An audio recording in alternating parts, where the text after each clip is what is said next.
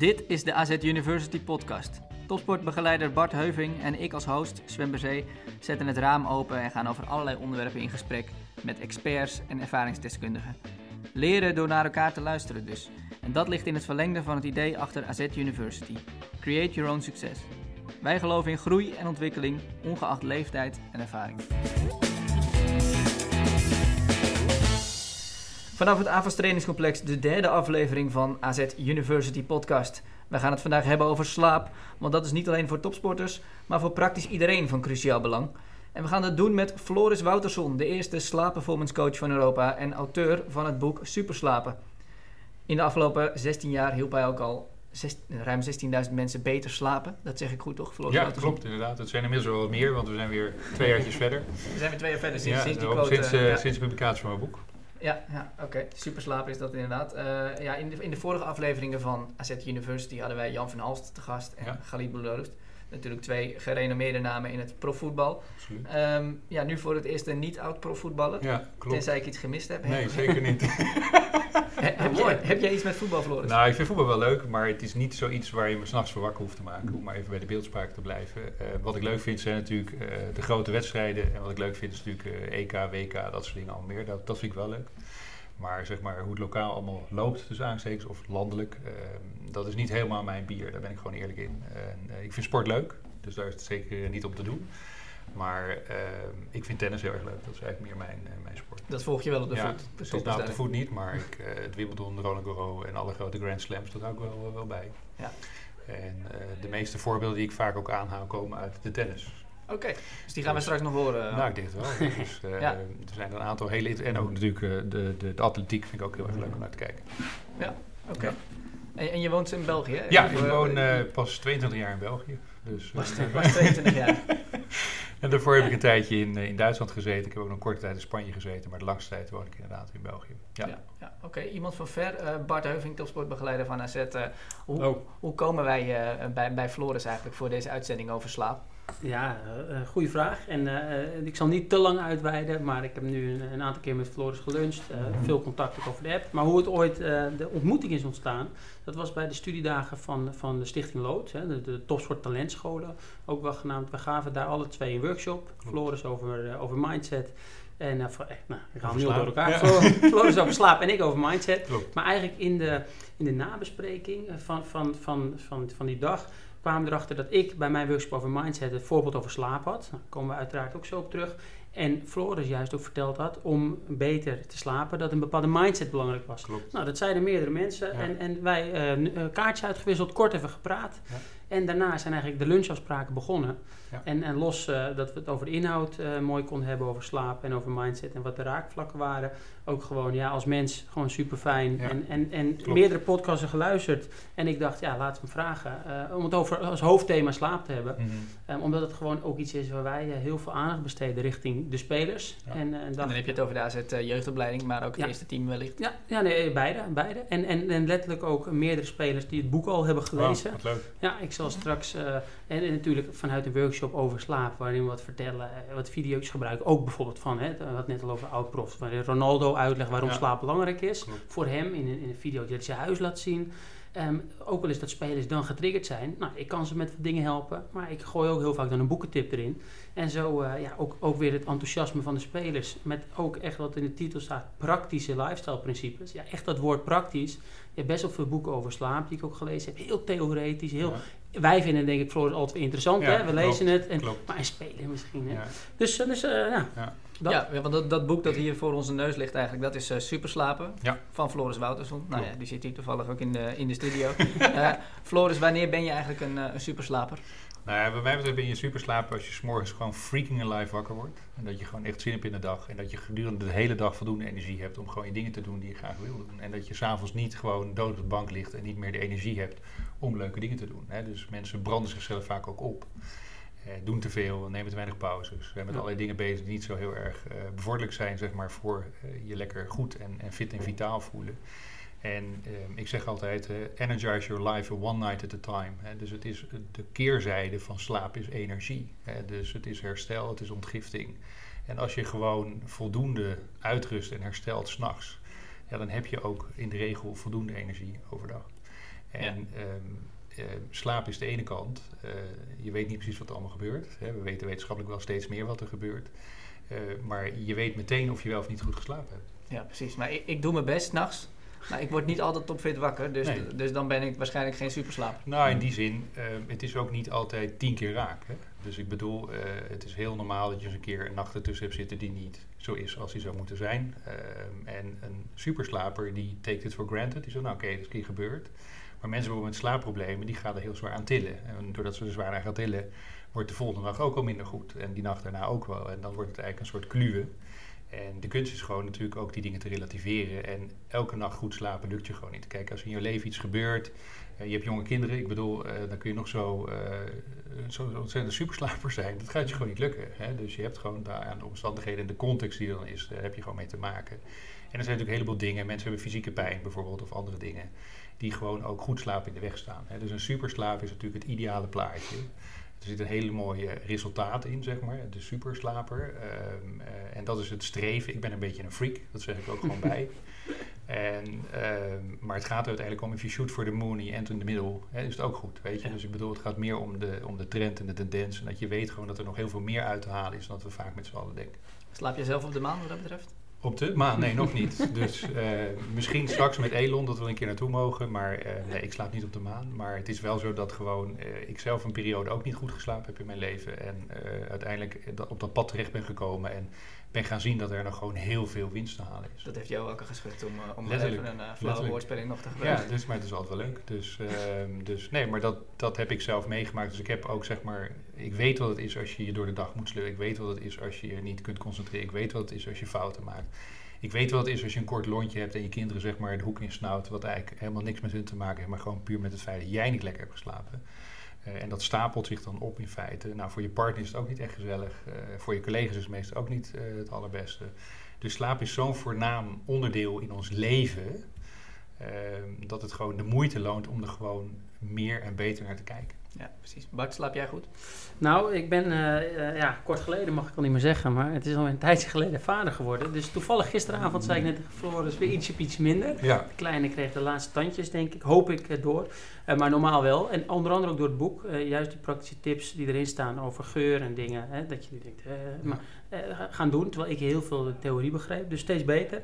Maar eigenlijk, wat, wat, wat, waar het meest aan moest denken, terwijl Floris aan het vertellen was, was eh, dat stukje koppelen aan prestaties. Ik ben hier de jongens aan het uitleggen hè, bij, bij de club. En, en door onder andere het boek, maar ook met andere voorbeelden. Dat slaap eigenlijk om twee hoofdredenen heel belangrijk is. Voor je fysiek herstel, maar zeker ook voor een beter werkend brein. Nou, daar triggerde je me net echt mee weer. En toen dacht ik, ja, dat leg ik aan spelers uit. Dat je slaapt voor fysiek herstel voor je brein. Nou, fysiek herstel heb ik ook heus wel nodig van de dag. Maar zeker beter werkend brein. Dan lees je dat en denk je, ja, wacht even. Ik kan het wel vertellen, maar ik moet er zelf ook weer wat, eh, wat meer aandacht aan besteden. ja. Precies, dus dat Ja. opfrissen heeft, eh, heeft Ja. mij het boek, eh, toen ik het las, heel veel aan geholpen. En eh, ja, dus steeds beter Sven. Maar niet, ik ben nog zeker geen superslaper. Oké, nou, misschien, misschien komt dat Misschien nog... uit. misschien na dit gesprek dat jij eh, als een blok in slaap valt. Of, eh, dat is trouwens ook niet per se een goed teken, denk ik. Maar, maar, maar goed, eh, Bart, Bart noemt al eventjes waar, in het kort waarom slapen belangrijk is. Ja. Eh, Floris, misschien kun jij daar ook nog Nou, ik wil nog even een aanvulling doen, want het is helemaal juist wat ook eh, Bart zegt. Het is inderdaad voor herstel, hè, fysiek en mentaal herstel. Maar er is nog één element wat denk ik in de regel een beetje over het hoofd gezien wordt. En dat is het element van ontgifting. Hè. Dus het is zo dat s'nachts, eh vreemd genoeg, we hebben een lymfatisch systeem. Wat door te bewegen zeg maar, in gang wordt gezet overdag. En eh, deels ook een beetje s'nachts nog. Dat zorgt voor die ontgifting. Maar onze hersenen, en dat hebben ze pas in 2015 ontdekt, heeft een gelijkaardig systeem. En dat heet het glymfatische systeem. En onze hersenen worden s'nachts circa 40% kleiner. De hersenvloeistof neemt enorm toe. En het is heel erg belangrijk dat s'nachts zeg maar, de neurotoxische stoffen die in de hersenen zijn opgestapeld eruit geflushed worden. En dan vooral bepaalde negatieve eiwitten, noem ik het maar even. Eén daarvan is beta-amyloïd. En dat is een eiwit als je daar te veel van hebt op termijn. En je slaapt te weinig en dat eiwit blijft te veel achter in je hersenen in dit geval. Dan liggen daar de linken met Alzheimer en Parkinson en dementie. Hè. Dus ehm, dat ontgiftingsproces Mhm. als zodanig, dus voor de hersenen, wat eh, Bart net ook al zei, is het heel erg belangrijk om ook je lichaam genoeg tijd te geven dat het ook dat proces kan voltrekken. Dus als jij per definitie altijd te weinig slaapt, dus aanstekens, en ik wil je nog even een klein onderscheidje maken. de duur van slaap is belangrijk, maar ook de kwaliteit van de Mhm. slaap is belangrijk. En ik vind dat vaak de focus veel te veel op de duur ligt. Ja. Maar we moeten echt naar de duur kijken, maar ook naar de kwaliteit van slaap Ja, kijken. er, er wordt, er wordt vaak gezegd 8 uur slaap, 9 uur slaap, dan zit je goed. Maar daar houdt het dus niet bij op. Dat is niet het volledige plaatje. Nee, dat is zeker niet het volledige plaatje. Ten eerste is het heel individueel. Hè? Dus dat is een beetje zo'n soort... Hè? Jij hebt ook geen gemiddelde schoenmaat. Ik bedoel, jij hebt een andere schoenmaat dan ik... en ik heb een ander calorieverbruik dan jij. Dus het kan niet zo zijn dat iedereen 9 of 8 uur slaap nodig heeft. Dus het is ten eerste heel individueel. Je kunt terug gaan kijken naar oerstammen. Hè? Dus eh, Tanzania of Namibië of Bolivia. Hè? Hoe slapen die en hoe gaan die met het eh, fenomeen slaap? Nou, daar is heel veel interessante informatie uit naar, eh, naar voren gekomen. Maar het is zo dat ehm, afhankelijk ook waar je woont van de evenaar. Hè, dus het is heel erg individueel, het is heel Mhm. erg ook contextueel eh, bepaald. Maar de bandbreedte ligt ergens tussen 7 à 9 uur. Hè, dat is het ideale in tijd. Maar jij kunt 9 uur in bed liggen en s'morgens als een wrak opstaan. Hè, dus je hebt dan kwalitatief helemaal geen goede Ja. slaap gehad. Nou, dan kun je misschien beter 6 uur slapen en wel kwalitatief goede slaap gehad hebben. En veel meer aankunnen. Hè. Dus dat is altijd wel een, eh, een soort evenwichtsoefening. Waarbij de focus, vind ik, overal in de media vooral op die duur ligt. En ik zit veel meer op de kwaliteit van de slaap. Ja, maar is dat, is dat dan per se ook fout om op die duur, om daar iets over te zeggen? Nee, de duur of, is, is zeker belangrijk. Hè. Ehm, daar, daar, daar- dat, dat staat ook als een paal boven water als zodanig. Maar ik vind vaak dat de focus veel te, ligt, op, Mhm. veel te veel op de duur ligt. En het kan best wel zijn dat iemand gewoon efficiënt zes uur slaapt. Ja. En fitter, vitaler, meer energie heeft dan iemand die acht uur in bed heeft gelegen en s'morgens gewoon niet fit wakker wordt. Ja. Dus dat heeft gewoon te maken met het hele proces wat eraan vooraf gaat. En ik denk dat je daar heel erg eh, nauwkeurig naar moet kijken. En niet gewoon maar moet zeggen, oh ik heb acht uur geslapen, dus ik ben Ja, uitgerust. ja. Want dat is het niet. Nee, het is ook heel vaak inderdaad precies wat je zegt. Mensen, eh, dat de, de duur in plaats van de kwaliteit is of-of, maar uiteindelijk is het en-en. En er is zoveel aandacht voor de duur. Ja. Hè, natuurlijk, het is niet dat duur helemaal niet belangrijk is, maar de, Ja. de onderaandacht of, of te Ja. weinig aandacht voor de, voor de, de kwaliteit. eh, voor de kwaliteit.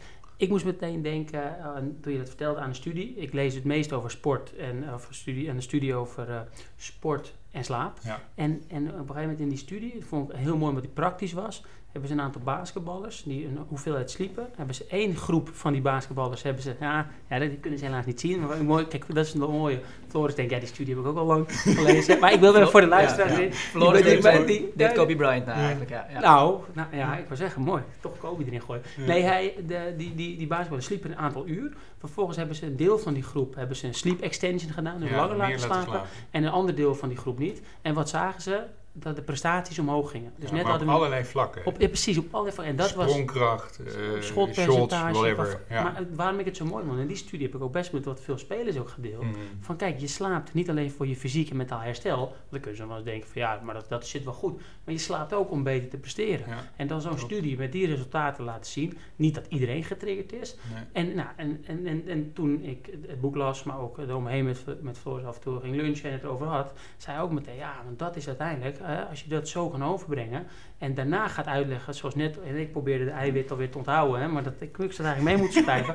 ja, maar dan raak je op een gegeven moment, Ja. de een is getriggerd door die studie en Ja. de andere heeft, eh, heeft juist misschien, eh, ehm, juist vanuit die eiwit dat hij denkt, hé, hey, maar dat is interessant, ik wil inderdaad heel lang eh, en gezond eh, leven. Dus Ja. hey, gooi verschil, er is niet één reden, er Nee. zijn misschien wel meerdere Ja. waarom het zo belangrijk is. Ja.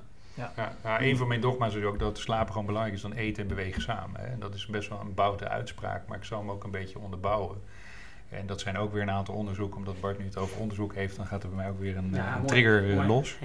Eh, maar als je eh, weet dat je hongerhormonen in je slaap gereguleerd worden, dan kun jij nog zoveel diëten en weet Ja. ik wat allemaal doen. Maar als je slaap niet op orde is, dan ga je ook je dieet niet op orde krijgen voor wat betreft dat hardnekkige buikvetten bijvoorbeeld. Hè. Dus dat is wel één kant van het verhaal. Ja. Dus die hongerhormonen worden daar gewoon gereguleerd. En het tweede is eh, dat als je een uur minder slaapt dan dat je zou moeten slapen, dus laat ik zeggen dat je in plaats van 7, 6 uur slaapt, dan is de kans op een sport, blessure 40% groter.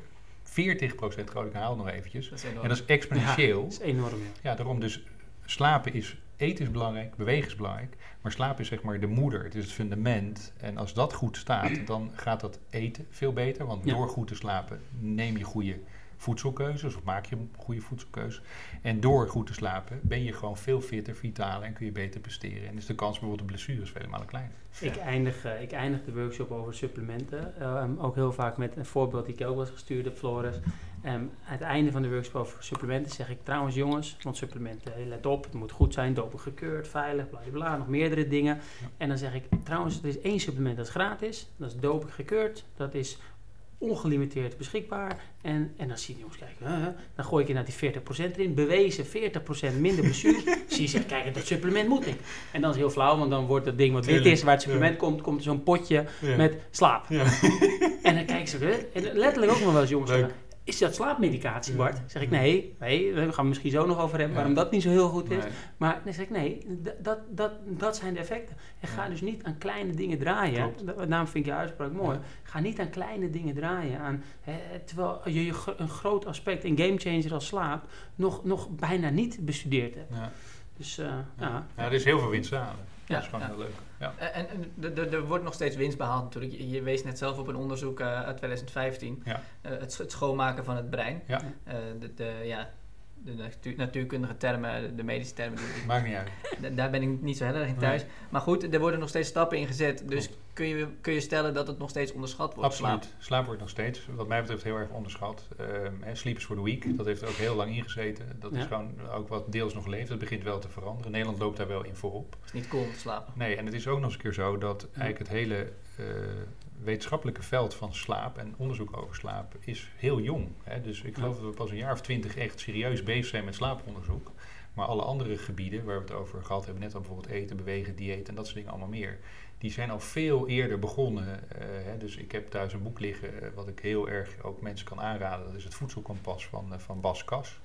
Dat is een Duitse auteur overigens in dit geval. Het is ook vertaald naar het Nederlands. Het heet in Duits Ernährungskompas. En uh, die laat allemaal uh, metastudies zien die al starten vanaf de jaren 60 over voeding. En metastudies vind ik zo interessant, want dan worden er gewoon honderd op een hoop gegooid. En dan wordt daar de centrale tendentie uitgehaald in de zin van hoe belangrijk zijn koolhydraten nou eigenlijk. Want afhankelijk van wie de sponsor is van het onderzoek, moet je wel of geen koolhydraten eten. Hè? En afhankelijk van wie de sponsor is van dat, moet je wel of geen melk drinken. Ik noem maar even een dwarsstraat. Dus door die metastudies wordt dat er allemaal uitgefilterd. Dan krijg je een veel objectiever beeld van wat is nou wel of niet goed. Hij heeft er dan uiteindelijk een soort dieet uitgedestilleerd waar hij, waar hij zelf heel goed op gaat. Maar dat vind ik het interessante. Maar metastudies op vlak van slaap zijn eigenlijk nog heel ja, bijna niet bestaande, omdat er nog niet zoveel onderzoek is. dat is misschien ook omdat er wat minder business in zit dan in de voeding. Nou, ik, ik, dat kan, maar het is natuurlijk ook een beetje de vraag, um, um, uh, je kunt naar Afrika gaan en dan op een gegeven moment zeggen, en je bent dan bijvoorbeeld de fabrikant van schoenen, en zeg je, nou jongen, dit is een gigantische markt, hier loopt iedereen bloot voeten. En vice versa, komt er aan, hij is geen ruk te verdienen. van iedereen loopt er bloot voet. Dus het is ook altijd een beetje hoe je er naar kijkt. Ik denk dat het gewoon een markt is die moet ontwikkeld worden. Maar ik ga er even bij zetten dat het niet juist is wat jij mhm. voor veronderstelling hebt. De sleep aid business is een 78 miljard dollar wereld. En dan heb ik het over CPAP-machines, dus mensen die last hebben van apneu. Of allerlei aids en hulpmiddelen en pillen en vooral medicatie, slaapmedicatie. Een van de meest en hardst groeiende sectoren naast antidepressiva. Dus in die hele business wordt enorm veel geld uh, ja, rondgejast, hoe je het ook nog wil.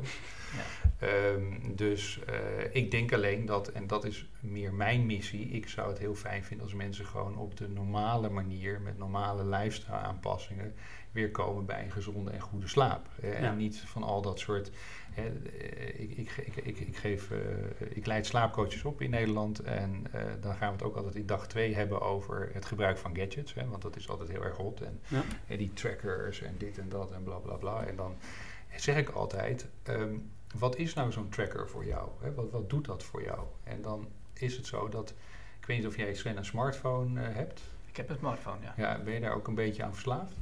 Ja, ik denk het wel, ja. Nou goed. Het is, dan ben het is deels ook mijn werk, dus dan, dan, raak je er al snel aan verslaafd. Zo, maar ik bedoel, we zijn met zoveel dat we aan die speen voor volwassenen hangen. Hè? Die, die, die phone, die kan, daar kunnen we niet meer zonder, want dan zijn we nog een half mens of we missen onze identity of we kunnen al die informatie van al die social media niet meer uh, absorberen en weet ik wat allemaal wat het wezen mogen. Maar dat geldt ook voor sleep aid producten. Stel dat je zegt, ik ga met een soort ademrobot in bed liggen en daardoor kun jij beter gaan slapen. Wat gebeurt er als ik die ademrobot bij jou afpak? Ja, dan kom je in de problemen, denk Daarom. ik. Dus, en Bart heeft jonge kinderen. Uh, mijne zijn inmiddels al een heel stuk ouder en studeren allebei. Maar wij hebben uh, wel eens natuurlijk een knuffel gehad. Uh, waar ze dan, mm -hmm. of een speen, dat was ook zo'n leuke. En ga maar eens met je kinderen bij vrienden een feestje vieren. En zeg leg ze boven wel in bed. En je komt erachter dat je thuis die knuffel bent vergeten. Denk je dat dat kind gaat slapen? Denk het niet. ik, ik, ik heb zelf geen kinderen, maar... eh, Nee, maar dat, dat werkt. En, en wat wij dus met al die gadgets doen en creëren, wij creëren weer afhankelijkheid daarvan. En als je al een gadget of een medicatie of iets gaat inzetten, dan moet het altijd erbij gezegd worden dat het gewoon tijdelijk is. Dat je mensen weer Mhm. even helpt op de huppel te komen, dat het gewoon weer loopt en gaat. En dan Ja. stop met die gadgets. Maar het wordt een soort holy grail, het wordt een soort silver bullet. Maar op het moment dat je het dan weghaalt, ja, dan is het lijden in last. Maar dan hebben we eigenlijk niks bereikt. Nee, nee ja, betreft. nou eerder slechte dingen bereikt, want je hebt iemand Ja. afhankelijk gemaakt. Ja. Nee, dit is precies waar eigenlijk in, in, in een van onze eerste lunches had ik het over. Ja, wat proberen we in de jeugdopleiding te doen door middel van het uh, topsportontwikkelingsprogramma? Is Ja. juist preventief, eigenlijk wat Floris ook zegt, preventief iemand te helpen om beter te slapen. En, en dat betekent niet dat als iemand niet kan slapen, dat we niet om ook helpen met het probleem. Precies. Maar de hele industrie is, ge- is, is, is gericht op hè, afhankelijk maken, maar Ja. voornamelijk ook op problemen oplossen, want daar zit het geld. En terwijl je veel beter, mijn inziens, en daar hebben we het ook veel over gehad, ook preventief, ehm, mensen gaat aanleren om beter te slapen. En dat doe je door Ja. middel van praktische tips, maar ook, ehm, want één studie eh, wil ik er zeker nog in gooien, die niet per se is voor, ehm, voor topsporters, maar eh, ik ben nu het boek eh Leefstijlgids tegen somberheid aan het lezen van Bjarne Timone. En daar staat dus ook een heel stuk over slaap. Ja, dan let je net even wat beter op, want Floris komt binnenkort. Ja. En die zegt letterlijk dat er ook gewoon heel veel onderzoeken zijn dat depressie en slaap. Eén op één. Ja, en dan, dan denk ik ook van wow. En dan in het boek beschrijft hij ook heel mooi van ja, terwijl er is eigenlijk amper aandacht voor slaap. Als iemand depressief is, wordt er ook sneller eh, niet gekeken naar die leefstijlcom- leefstijlcomponenten, maar naar Dit is zo'n interessant onderwerp. Even wat mij nu ook op basis daarvan naar jeugd toe heel erg te binnen schiet, is dat ehm, als je kijkt naar de symptomen van slaaptekort bij kinderen, hè, dus bij jongere kinderen en ook gewoon pubers en dergelijke, dat heeft heel veel gelijkenis met ADHD. Maar wat krijgen we? We krijgen diagnose ADHD. Dus Ritalin erin of whatever. Of dat zijn eh, recalcitrante kinderen en ze zitten niet stil en ze brengen de hele, de hele, de hele klas eh, overhoop en noem het allemaal op. Maar als, je, als die ouders zich er bewust van zijn dat eh, ADHD en slaaptekort qua symptomen heel erg op elkaar lijken, geef ik altijd mee als ik bedrijfsartsen opleid, of in ieder geval daar mensen ook informatie over meegeef. Ga eerst eens kijken naar het slaapgedrag van dat kind. Ja. En als dat op orde is en hij dan nog dat gedrag vertoont, dan kan het zijn dat hij ADHD heeft. Maar het gaat altijd andersom.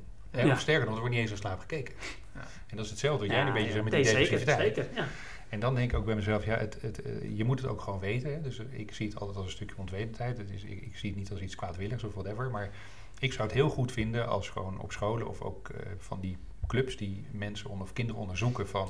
hè, heb je nu ADD of ADD of whatever? Eh, kijk eerst eens naar dat slaapgedrag van die kinderen. Maar dat zit er nog niet automatisch in. Nul. Nee. Althans, nul is even heel erg. Is zwaar. Te weinig. Kort door de bocht, gewoon te weinig. Nee, maar dit, dit, dit Floris, daarom ben ik blij dat jij... Want het was bij Zonneveld, hè, die, Ja. eh, die slaap, eh, Ja. slaapcoachopleiding. Klopt. Ik heb hem zelf nog niet gedaan. Sven, zo eerlijk moet ik ook zijn. Maar wel iemand gesproken die hem aan het doen was. Eh gymdocenten is dat. Ja. En, en wat ik zo mooi vind, is zij is hem dus gaan doen. Ja. Naar aanleiding van gesprekken ook. Niet alleen met mij hoor, want dat klinkt zo van... maar, maar met meerdere mensen, maar waaronder ook met mij. Van, hé, hey, die is dus gymdocente. En die denkt, hé, hey, als ik dus ook wat dingen over slaap weet... Klopt. dan helpt dat. Want dat, dat, dat helpt uiteindelijk... eh, dan gooi ik hem er toch even in. Het woordje holistisch. Ja, Het is niet vaak zo simpel dat als iemand die naar druk is, Klopt. dat hij eh, per se, eh, of, of medicijnen, maar ook, dat, dat zag ik in het begin, en dan kijk ik ook kritisch naar mezelf. Als een speler bijvoorbeeld slechte focus had, ging ik ook wel eens focusmodelletjes uitleggen van Ja. richt je wel op de juiste ding. Of Ja. En de laatste tijd probeer ik steeds meer, daarom inderdaad niet nul, al gelukkig iets meer, probeer ik ook te kijken van hé, maar als de slaap niet goed is, Ja. lijkt die misschien irritant of de focus niet goed, Ja. maar dan is dat gewoon Klopt. omdat het, het, het in dit geval wat meer vanuit het brein, Ja, gewoon die stofjes Klopt. niet, niet, niet meehelpen Ja. dan. klopt. Ja. Ja, heel juist. Ja, oké. eh, Floris, eh, je zegt net al, je leidt ook slaapexperts op. Ja, coaches. Maar, ja. maar je, je begeleidt ook direct mensen met, Ja. met slaapproblemen. Dus Klopt. als slaapperformance coach, Ja. eh, wat kan jij dan doen om mensen beter te helpen slapen? Dat is dan eerst misschien analyseren van hun problemen. ja, je begint altijd met een reality check. Hè? Dus dat is altijd het allerbelangrijkste. En daar heb je allerlei modellen voor. Er zijn enorm veel eh slaapvragenlijsten, noem ik het altijd maar eventjes. Dus eh, je hebt modellen en vragenlijsten. Dus je begint altijd met een aantal vragenlijsten. Dan doe je een soort nulmeting. En te kijken waar die mensen op een bepaald scope of spectrum zitten. Een van de meest bekende en meest gebruikte in Nederland, dat is de Easy Index, zoals die eh, zo mooi heet. Eh, de Ins- Insomnia Severe Index heet die. En dan wordt gewoon bepaald aan de hand van vijf vragen waar iemand op een scala zit. En dan heb je een bepaalde score. Zit je eronder of daarboven, dan is het eh, heel mature of heel erg slecht met je gesteld. Of het is uh, goed behandelbaar, om het zo maar te zeggen. Dus je moet er ook een duidelijk onderscheid in maken voor jezelf. Als slaapcoach heb je een bepaald competentieniveau en op het moment dat het daar bovenuit gaat, bijvoorbeeld bij parasomnieën. Parasomnieën zijn dingen zoals Restless Leg syndromes, het PLMD-syndroom of het, nou, er zijn een aantal van dat soort aandoeningen, zeg maar, snurken, die moeten gewoon in een ander kanaal behandeld worden. Dat kun je als coach gewoon niet doen, want dan kom je gewoon in die medische hoek terecht. Maar je doet in eerste instantie een goede analyse, een goede diagnose maak je. Je doet dus ook een anamnese, zoals dat zo mooi heet. En in functie daarvan ga je dan met die persoon aan de slag. En dan in de regel heb je een sessie, vier of vijf, afhankelijk van, over een doorlooptijd van ongeveer, nou laat ik zeggen, vier, drieënhalf, vier maanden. En dan in de regel, als die mensen ook aan de slag gaan met dat wat je ze aanreikt, uh, dan zijn, gaan, ze gewoon weer goed, uh, gaan ze gewoon weer goed slapen. Want wat jij ze aanreikt, aanreikt is niet alleen maar jouw eigen boek. Je geeft nee, ze een exemplaar van jouw boek en uh, ga maar lezen. Nee, dan, goed, het, het, helpt wel als ze een beetje ook al zich daarin verdiept hebben. Maar je, je hebt altijd een bepaalde context waardoor het gewoon lastig is. Je moet echt die, die persoon, of, ja, de persoon achter die klant leren kennen, om het zo maar te zeggen, hoe het in elkaar zit. Er zijn er je hebt eigenlijk, waar ik veel mee werk, is met het biologisch, psychologisch, sociaal model. Hè. Het BPS-model wordt het ook wel uh, genoemd. wordt veel in pijnklinieken ook toegepast. En je gaat op al die drie gebieden kijken. Dus je moet eerst kijken, biologisch, fysiologisch, wat kan er aan de hand zijn? Maak je te veel of te weinig melatonine aan? Ja. Uh, hoe zit het hiermee, hoe zit het daarmee? Dus dan kijk je puur naar uh, fysieke klachten. Bijvoorbeeld als iemand uh, een gevoelige heup heeft of last van zijn schouder of weet ik wat. Ja, dan zal die s'nachts minder lekker liggen en daardoor ook een uitdaging met slaap hebben. Dus eerst moet je kijken wat daar gebeurt en dan ga je naar die psychologische en die sociale hoek kijken. En in functie daarvan kom je dan met een plan van aanpak. En op, voor zeg maar 70, 80 procent is dat voor iedereen min of meer wel een beetje gelijkaardig. Maar er zit altijd een 30% bij die specifiek voor jou uh, van belang is. Want je hebt ook allerlei typologieën van slechte slapers. We hebben de perfectionist en we hebben de pleaser en we hebben de persoon die heel erg gedreven is. En uh, iemand die een pleaser is, die zul je op een andere manier moeten aanvliegen dan iemand die bijvoorbeeld uh, zeer gedreven is. Het is best wel heel veelzijdig uh, werk. Het is dus, super veelzijdig. Je moet ook best wel wat psychologische basiskennis hebben. Je moet mensen ook best wel kunnen lezen. Uh, om ze goed te kunnen helpen en goed te kunnen ondersteunen. En um, het probleem is vaak niet het probleem. Hè, dus slaap is een lampje op het dashboard wat gaat branden. En dan moet die motorkap open en dan gaan we kijken waar zit het. Ja, en, het kan ook ergens halverwege de dag zitten. Whatever. Ja. Het, kan, het kan op zoveel plaatsen zitten. En het kunnen ook bijvoorbeeld, ik heb ook in mijn team, want het is ook wel belangrijk dat je een goed netwerk van mensen om je heen verzamelt. Ik heb ook een traumadeskundige. En soms zijn mensen die een bepaald trauma met zich meedragen, wat nog niet goed verwerkt is, wat gewoon dat goede slaap in de weg staat. Mm -hmm. En het is belangrijk die mensen eerst een keer daar een paar sessies te laten doen voordat ik het zeg maar de draad weer oppak. Dus uh, wat dat er gaat, is het ja, een heel divers uh, aspect. En ook natuurlijk, je hebt het over eten, je hebt het over darmgezondheid, je hebt het over inspanning, ontspanning. He, dus ik heb een model, min of meer, dat noem ik het BSA-model. En dat staat voor bioritme, slaapdruk en arousal. En een van de drie die is altijd primair bij een uitdaging die iemand met slapen heeft. En ik vraag dan altijd aan de mensen zelf, als ik het heb uitgelegd wat het dan is. Nou, waar denk je dat jouw uitdaging ligt? Nou, dan weten ze het vaak haarfijn aan te duiden. Ja. Nou, dan is het belangrijk dat je daar gaat starten. He, dus het heeft geen zin als iemand een uitdaging met arousal heeft, dus dat is zeg maar de prikkeling en de prikkelpoort die in onze hersenen zit, om dan bij bioritme te gaan starten. Dat heeft dan niet zo heel erg veel zin. He, dus het is wel heel erg belangrijk die analyse heel goed te doen. Ja. En dan met die mensen aan de slag te gaan en het echte werk, de, de heavy weightlifting, die gebeurt niet in de sessies die ik ze heb, dat gebeurt tussen de sessies. Moet je zelf doen. Ja, en dat is zo ontzettend belangrijk. Het heeft wel een bepaalde mate van inzet en motivatie nodig, want ik kan ze 23 dingen aanreiken. Uh, dat is echt het probleem niet, om het zo maar te zeggen. Maar de mensen moeten er wel mee aan de slag gaan. Ja. En het vervelende van slaapproblemen in de regel is... het wordt meestal eerst slechter en daarna pas beter. dus ik zeg er ook altijd bij, ik ga je nu dingen aanreiken... En dan denk je na een week, wat is dat voor een gast? Die geeft mij een aantal opdrachten en ik, ik ga alleen maar slechter slapen. En ik word alleen maar meer prikkelbaar. En dit en dat. Ik zeg, ik zeg er als een soort disclaimer ook al bij. Dit gaat gewoon gebeuren, dat weet ik nu al. Maar ik weet daarna wordt het gewoon weer uh, beter. En dat is gewoon dat je een soort reset moet doen van het gedrag van die persoon. Wat die zich vaak helemaal niet bewust is. Of wel bewust is, maar niet weet hoe die het moet oplossen. Ja. En uh, dat maakt dit soms ook een beetje lastig werk. En de grootste uitdaging zit hem vooral, en dan kom ik eigenlijk weer op het terrein van, uh, van Bart ook. Uh, en daarom is dat ook het eerste hoofdstuk in mijn boek. En dan komen we bij de mindset. En als we het hebben over kernovertuigingen, Ehm, dan kun je op een noest gaan hakken ehm, die best wel uitdagend is, noem ik het eventjes. Ja. En, en Bart weet daar ook heel, eh, heel veel van of alles van, zou ik maar willen zeggen. En in dat soort gevallen, als ik merk dat ik op een noest ga hakken en heel erg in die kernovertuiging terechtkomt om die mensen te willen helpen, moet die eerst, moet die eerst van tafel, die moet eerst gecrashed worden, zoals ik dat noem. Kan het heel goed zijn dat ik ook weer iemand eerst doorverwijs naar een psycholoog, die eerst maar dan aan die stoelpoten gaat zagen. Die, die mindset, dat, dat is inderdaad Ja, iets wat... is super, super. Ja, als jij... Staat ook, staat ook op de rol dat we het er zo meteen nog eventjes over Ja, ja, hebben. nee, zeker. Misschien komen we er zo meteen nog Daarom, daarom. Maar wat, wat ik ermee wil zeggen is dat die kernovertuigingen, als die zo diep erin zitten, hè, Mhm. ehm, dan heeft het geen zin om daar te starten. Dan zou eerst iemand anders daarmee moeten starten voordat ik zeg maar de draad weer kan oppakken. Want anders Ja. ben ik uren, Mhm. weken, maanden bezig voordat we zeg maar resultaten boeken. Nou ja, en Sven, eh, laten we maar meteen doen. Ik bedoel, we, we hebben het voorbereid, maar het is nu zo'n La- mooi bruggetje. Nee, het, het, het allermooiste in wat je net zegt, Floris, toen ik het boek ging lezen, en ik heb best wel wat over slaap gelezen, en waarom ik het zo getriggerd door was, is juist die holistische benadering. Je Ja. kijkt naar, om s'avonds goed te slapen, eet je de goede dingen, Ja. je stressmanagement, je mindset. Je, Klopt. dus ik, ik las het nadat wij eh, de boek hadden uitgewisseld hè, Ja, van elkaar. klopt. En maar toen was ik ook wel, dus ik gaf ook de complimenten, maar ik was ook wel, dat ik zei, ja, ik mis wel één dingetje. En dan eh, hoor je het natuurlijk vaker en dan denk je wel. En, en toen zei ik van, ja, wat ik in de praktijk heel erg merkte, is ik gaf niet alle slaaptips die jij gaf, maar hè, ik, de waarom, de studies deelde ik, ik gaf wel wat tips, bij lange na nog niet zoveel, maar wel. En ik merkte dat sommige jongens pikten die tips op Ja. en een paar anderen niet. En dan, dan kan je denken, ja, ze snappen het niet of ze willen het niet. Tot ik op een gegeven moment vroeg, hé, maar eh, waarom ga je niet met deze tip aan de slag? Dat de jongen zei, ja, maar Bart, ik ben gewoon een slechte slaper. En eh, thuis bij mij, mijn ouders zeggen dat ook, dat zijn zij en dit. En toen zei ik, Floris begint ook gelijk te lachen door deze. ja, maar nee, want ik ik weet nog, toen hebben wij, eh, daarna, nadat we elkaars boek hadden Ja. gelezen, hebben we het hierover gehad. Ik zei, dat zie ik in de praktijk. Ja. Ik zeg, maar aan die kernovertuiging, aan die mindset, ik ben een slechte slaper. Als je die, hè, Wat, dat is, daar- kan. wat is daar mis mee? Nou, wat is daar mis mee? Als jij denkt, ik ben een slechte slaper. Stel, ik ga luisteren nu naar de podcast. En Ja. ik denk, als luisteraar, ja, Floris kan allemaal uitleggen wat belangrijk is. En Bart heeft nog wat voorbeelden en dit. Maar ik ben gewoon een slechte slaper. Dan zal je niet snel iets met die tips gaan doen.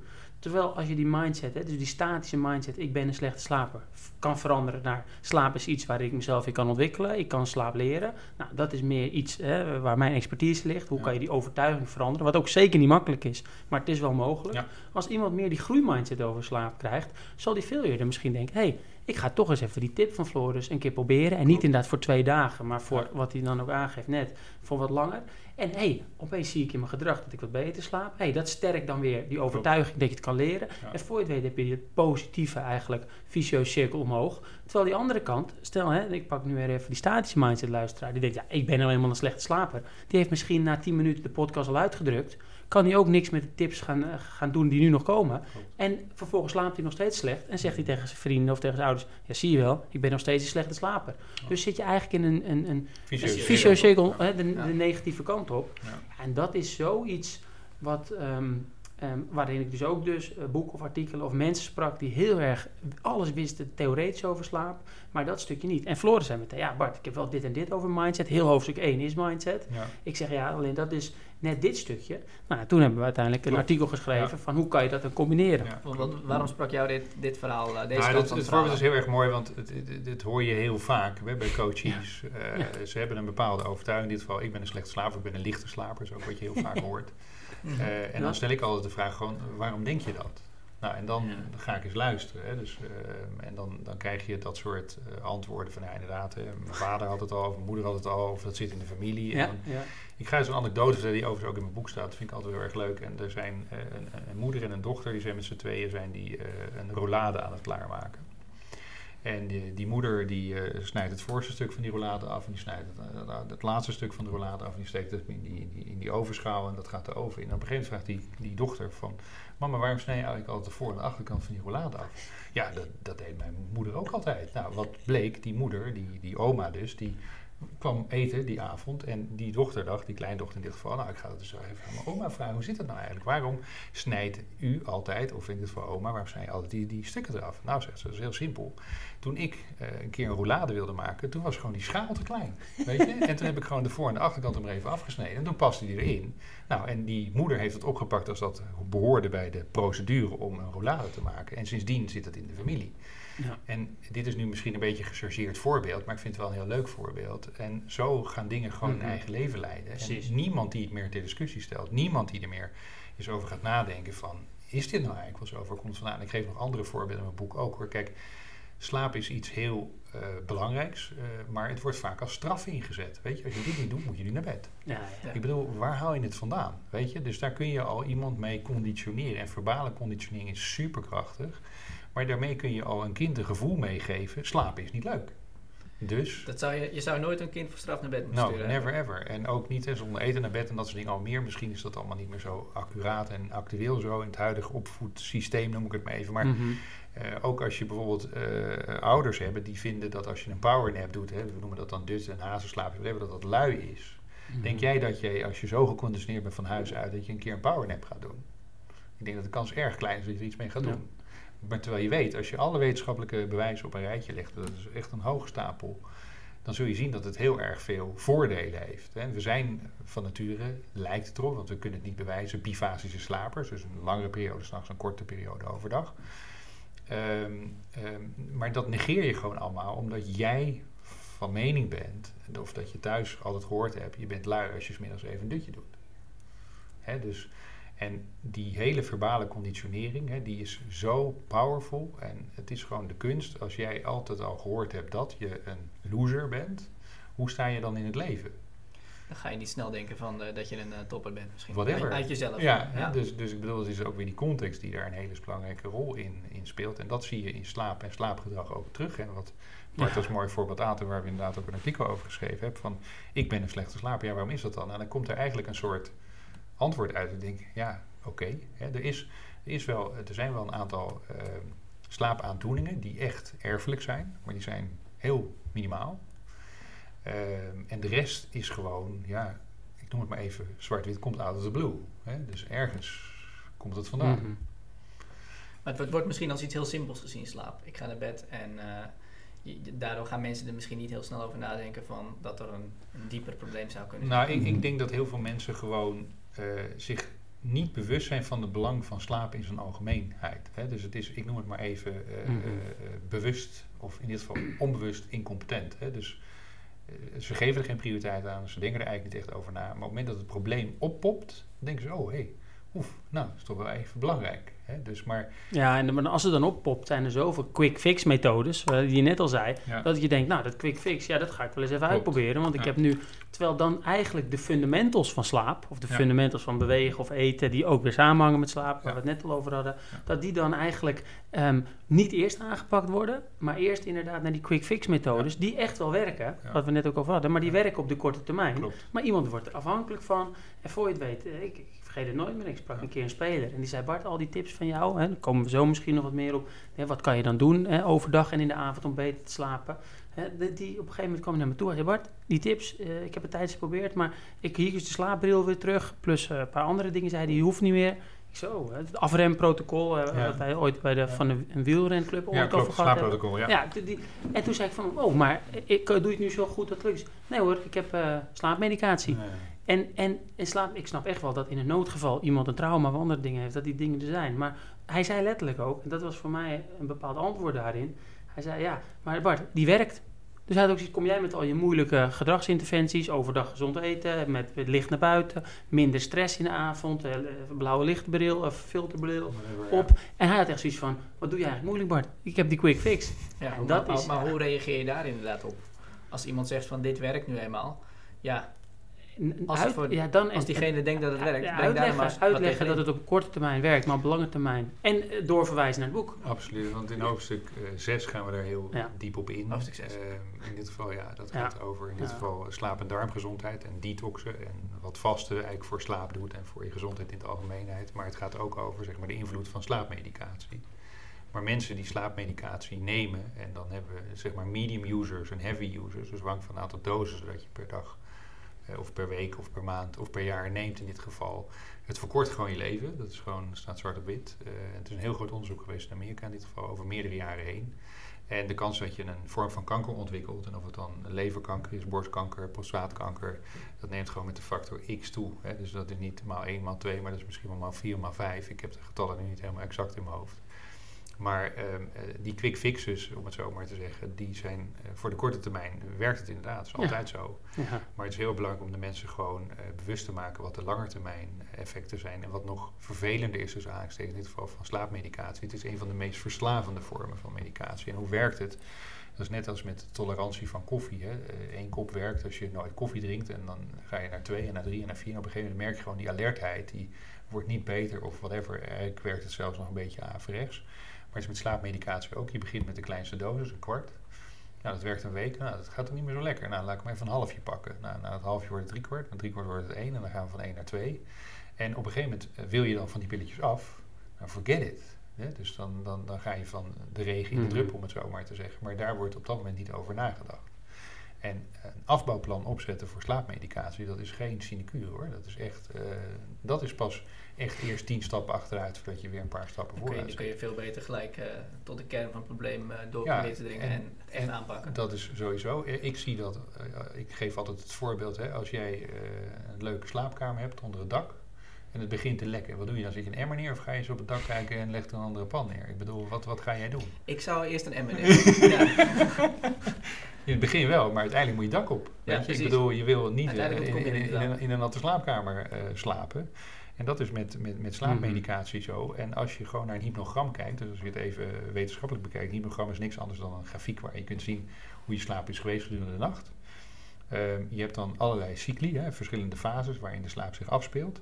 Ehm, de diepslaap is gewoon non-existent. Waar zit het herstel, het fysiek herstel, waar zit dat? In de diepslaap. In de diepslaap. Ja, dus als jij dus slaapmedicatie neemt, je hebt wel het gevoel of het idee dat je geslapen hebt, maar je hebt helemaal niet uitgerust. Je bent niet hersteld. Dus het is ook een keer een tikkende tijdbom. Ja, dat is het precies het antwoord. Dus dat stukje las ik en met die speler besproken. Je, je, voor je gevoel ben je wel in slaap, maar Ja. de kwaliteit, waar we het net over hadden, wordt Ja. wat minder. En niet En wat dan- minder, die is gewoon Nou ja, non-existent. Nee. Het is gewoon Ja. Dus, dus, gevaarlijk. en dan, dan, dan opeens ga je wel zien dat iemand denkt: hé, hey, ja, inderdaad, wacht even, ik ga toch maar weer. En, en, en daar helpt hopelijk ook deze podcast bij, maar zeker, want je hebt mensen die, die geven je dan hè, een fotootje uit het boek hierover, over dat stukje, want dat doe ik vaak, een Ja. fotootje van dat, eh, van dat gedeelte. Sommigen zeggen, waar komt het uit? Die lezen het. En anderen, nou, die stuurt een fotootje en die denken, oh, ik snap het nu. En weer anderen, die, die zijn meer van het luisteren, die gaan dit horen en die denken, hé, hey, ik heb het ook wel eens gebruikt. Hey, Ja. dat, ehm, ik, ik weet niet of het klopt, Floris, daarom ben ik zo blij met jou. Mijn, mijn Mhm. kennis over slaap is er, maar, eh, maar echt de basiskennis. En ik ben dus heel blij met mensen zoals jij in mijn netwerk. Als ik er zelf niet uitkom, dat Ja. ik je kan eh, af en toe lunchen, dat is leukst. Maar de laatste Zeker. tijd was het meer, eh, niet. was het meer appen. hè. maar, maar, maar uiteindelijk is het ook heel, ehm, heel krachtig dan om, om met een speler gewoon, ehm, ja, hoe zeg je dat? Nee, ga ook op ontdekkingstocht. Er zijn meerdere mensen. We weten wel dat het belangrijk is. Ja. Ja, en dat. Ja, dus dat is eigenlijk het antwoord. Wat doe je dan? En dat is eh, soms eh, kost het heel veel tijd, soms lukt het niet. Maar als het wel lukt en een jongen komt erachter en gaat beter slapen, dan heb je ook een ambassadeur. En, ja, de Klopt, beste, mooiste klopt. ambassadeur is Tom Brady. Ja. Die, die, die is- nou, heeft zo goed topsporter gemerkt hoe belangrijk slaap is. Klopt. Maar heb je een, een, am- een ambassadeur in Amerika, of heb je hier in de club een, die tegen die andere jongens zegt: hé, hey, eh, dit en dit heb ik gedaan. Ja. Want, want- want Bart, eh, jij, jij praat binnen AZ met veel, met veel jeugdspelers, maar ook met spelers van het eerste elftal. Ook over dit soort zaken. Je bent topsportbegeleider, dus het komt niet alleen op slaap neer. Maar wat doe jij eh, om die spelers er bewust van te maken binnen de club, binnen AZ? Eh, dat zijn workshops, dat is één op één, dat is dingen online delen. Nou, nu deze podcast eigenlijk maken. Die is natuurlijk voor de buitenwereld, maar zeker eh, merkten we ook bij de eerste twee ook dat wat, wat jongens het luisteren. Ehm, ja, en inspireren. Dus inspireren van, hey, ehm, nou, ik zei net al Ronaldo, Tom Brady gooi ik. Het, Ja. een, een- laatst deelde ik met een speler het onderzoek. Is een onderzoek in Amerika gedaan. Niet met slaapextensie, dat is echt nog wel echt een experiment. Er is gewoon een onderzoek gedaan. Welke sporters zitten nog tot laat op social media? En wat is hun dag daarna tijdens een wedstrijd, hun performance? Het was gewoon een statistisch onderzoek over echt heel veel wedstrijden, Sven. En wat zag je? Hoe later je nog op social media zat, hoe slechter jouw performance Cool. de dag erna. Ja, en dan opeens is het dus niet, ik ga niet zeggen jij moet. En nu gebruik ik even hem verkeerd. Ik ga niet zeggen jij moet een superslaper worden. En Nee. ik duw het door je strot. Ja. Ik leg uit, kijk, dit kan slaap voor jou doen. Ja. Ik hou hem eigenlijk wat verder weg. En dan hoop je dat op een gegeven moment de speler denkt, hé, maar dat wil ik ook. Nou, dan kan ik. Ik weet de basis. Ik kan hem een aantal tips geven. Ja. En op een gegeven moment houdt mijn kennis op. En bijvoorbeeld een speler in Jong AZ laatst, die merkte van, hé hey Bart, jouw kennis houdt op, maar ik wil meer. Nou, die is het boek gaan lezen. En die zei, Bart, die eh, lavendel ruikt wel lekker, hè? Nou, dat is een van de tips uit het boek die ik nooit deed. En nu in mijn slaapkamer doe. En dan denk je, het is maar een klein tipje. Maar gekoppeld met de tips over bewegen, met de tips over voeding, met de, de tips over mindset. Ja, dan ga je echt volgens mij verandering zien. Ja, het gaat om dat stapelen. Hè? Precies, ja. Ja, Dave Brailsford, hè, dat is zeg maar de, de manager van het, uh, toenmalige Sky, nu is het die Neos team. Die begon in 2003. De, de wielerploeg. Uh, de wielerploeg, inderdaad. Die begon in 2003. Wel met heel veel belastinggeld, moeten we er even bij zeggen. Ja. Uh, dus, en Engeland had sinds 1908 één gouden medaille op het baanwielrennen. En tot die ja. tijd, dus tot 2003, dus meer dan 100 jaar, of bijna 100 jaar, hadden ze nog nooit één Tour de France, uh, één Olympisch record, één wereldrecord, hadden ze gewoon allemaal niet. En, en een land als uh, Engeland, de Crown, als je dat op Netflix eens kijkt, wat dat voor een imperium geweest is, is het natuurlijk eigenlijk absurd dat op dat niveau ja, er gewoon niet zo...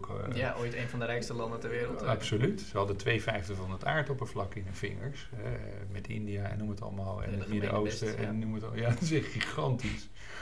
Uh, maar geen, geen wielredder die gewoon iets van... Nou, toen kwam deze man en die heeft echt de, de, de tiny gains. Dus hij is met hele kleine dingen, maar hij ging heel ver. Hè. Ze mm -hmm. smeerden alcohol op de banden.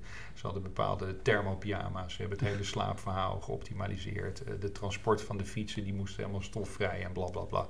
Nou, dat door, door, door. En dat stapelen, wat Bart net ook een beetje aangeeft. Het is nooit ja. één silver bullet. Het is nooit één warme deken die we over iedereen gooien. Het is klaar. Nee, het zijn altijd die tiny gains. Change a little, change a lot, every day. Dat is uiteindelijk waar het om gaat. En het belangrijkste is, ik weet niet of je de waterhyacint kent, maar ik vind dat een van de meest integrerende planten die er überhaupt is. Want die plant die groeit onder water tien keer zo hard als boven water. Dus als je die in je vijver hebt, dan denk je, nou, daar ligt gewoon een lotusbloemetje of zo'n, je weet hoe zo'n lotus of zo'n ding eruit ziet. Ja. Maar je weet dus helemaal niet wat er onder water gebeurt. En op een gegeven moment, na een week of zes, zeven, dan is je ja, hele vijver overgenomen. En er kan ook niks meer bij, er kan ook niks meer groeien. En dat is dat tiny gains verhaal. Dus dat, die kleine stapjes die je zeg maar uh, voortdurend zet. En dan ook aan de bal blijven. En daar zit de grootste uitdaging als we het ook over een stukje gedragsverandering hebben. Een ander heel leuk boek op dat punt, dat is van, van Olsen, dat heet uh, The Slide Edge. Nou, je hoeft het boek niet te kopen, zeg ik ook nu meteen bij. Het is een leuk boek, het gaat over het ripple effect en bla bla bla. Maar waar wat, wat het allerbelangrijkste is en waar, wat is het meest fnuikende in dit geval van zeg maar gedragsverandering. Ik ga even een leuk voorbeeld nemen, vind ik zelf. Van snoezen. Hè? De halve wereld snoest. Nou, prima, dat moet iedereen voor zich weten. Het is zeg maar naar je slaapkwaliteit toe niet het beste wat je ja, kunt dus, doen. Dus even voor de leek, je zet je wekker op half acht, maar je komt uiteindelijk om half tien je bed uit. Nou.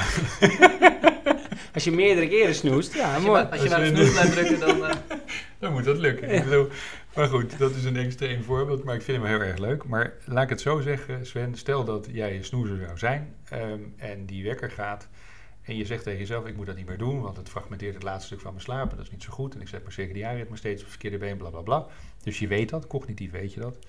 Um, en dan zeg je tegen jezelf, ik ga niet meer snoezen. Vanaf nu stop ik daar gewoon mee. Goed. Is dat moeilijk?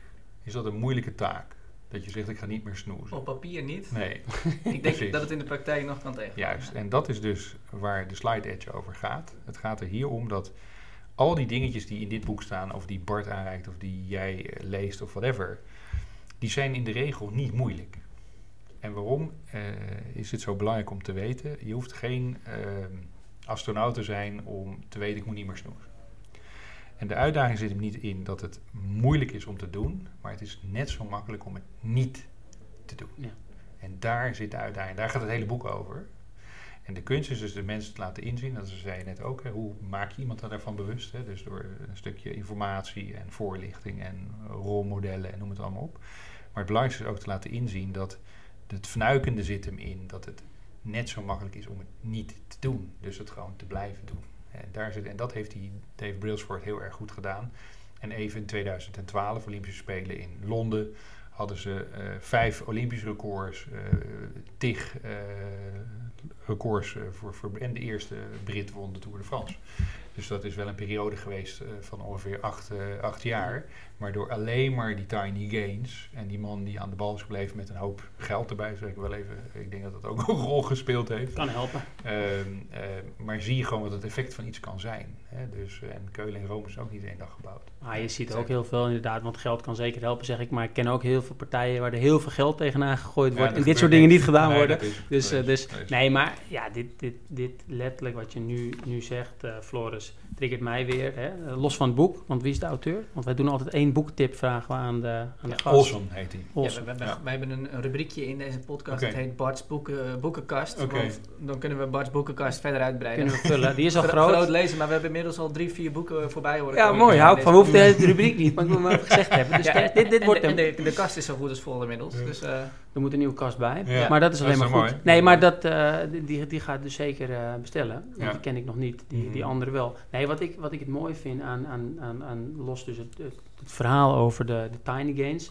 is ook, ja, hoe zeg je dat netjes, is en gewoon een speler uitleggen. En natuurlijk de tiny gains, zeker. Maar ook gewoon, hey, jij doet aan krachttraining, dus jij maakt je spieren kapot. S'avonds is je testosteron hoog. Nou, testosteron is de bouwvakker. Hè, vervolgens eh, eet je ook eiwitten, dat zijn eigenlijk de bouwstenen.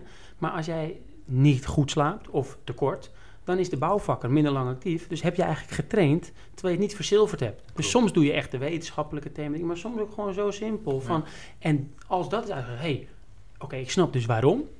In dit geval voor die jongen, omdat die krachttraining heeft gedaan, die wil die verzilveren.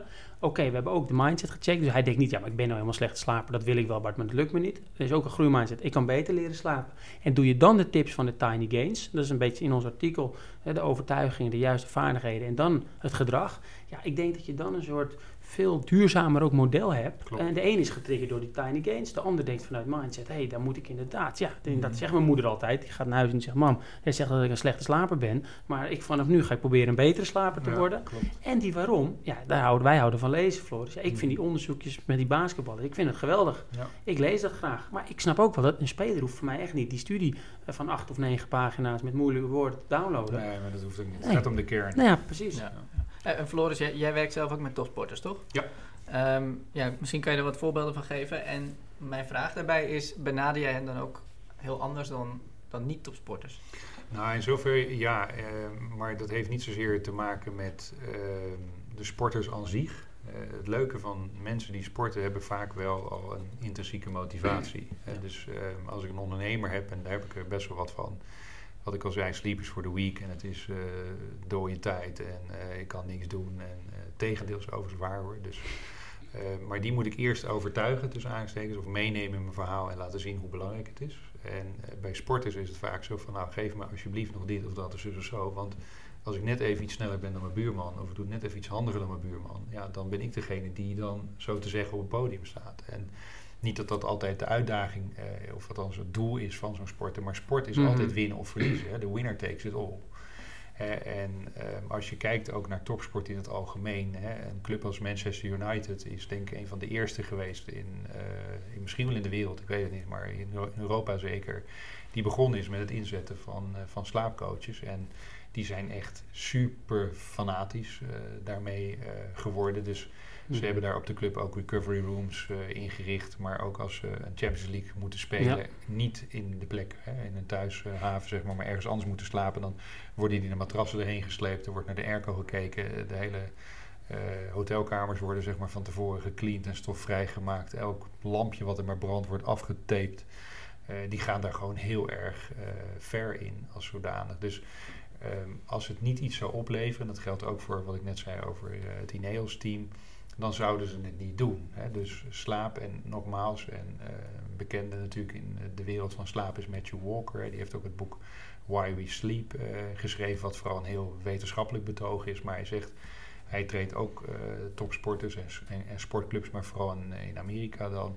En hij zegt, er worden miljoenen aan spelers uitgegeven, maar er wordt even vergeten een beetje geld te steken in het optimaliseren van herstel en slaap. En hij zegt, ik denk dat dat veel meer oplevert in prestaties uiteindelijk dan die miljoenen spelers die je weer ergens vandaan het is eh, natuurlijk relatief heel goedkoop om dat Ja, eh, te Precies, implementeren. absoluut. Het is, nou ja, het is relatief goedkoop en het, het levert gewoon gezondheidsvoordelen op, maar het levert vooral ook prestatievoordelen op als Ja. zodanig. En je kunt ook bij het samenstellen van je team er ook eens over gaan nadenken. Tegenwoordig natuurlijk voor de rechten en de reclame en de sponsoren en noem het allemaal maar, zijn die wedstrijden meestal s'avonds.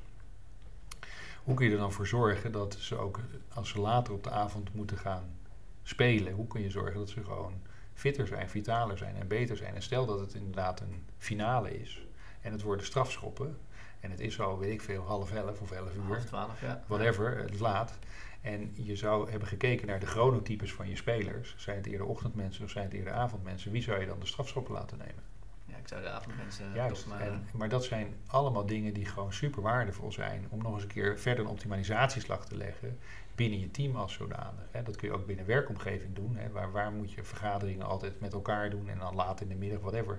Waarom laat je de ochtendmensen niet in de ochtend met elkaar vergaderen en de avondmensen in de, in de namiddag met elkaar vergaderen? dat, dat, hoef je niet, dat kun je breder trekken dan dat. Veel breder, hè? maar het, die kennis is er gewoon. Alleen um, wordt die ook toegepast. Nou, in ja. de regel uh, is dat niet helemaal het verhaal. Nou, een voorbeeld wat ik zelf heel erg leuk vind. Uh, ik heb, uh, gek genoeg ben ik in dat wereldje een beetje gerold. Um, en ik, toen ik erin gerold ben, was ik nog niet eens bewust van het bestaan ervan, tussen aanhalingstekens. Maar ik coach ook luchtballonpiloten.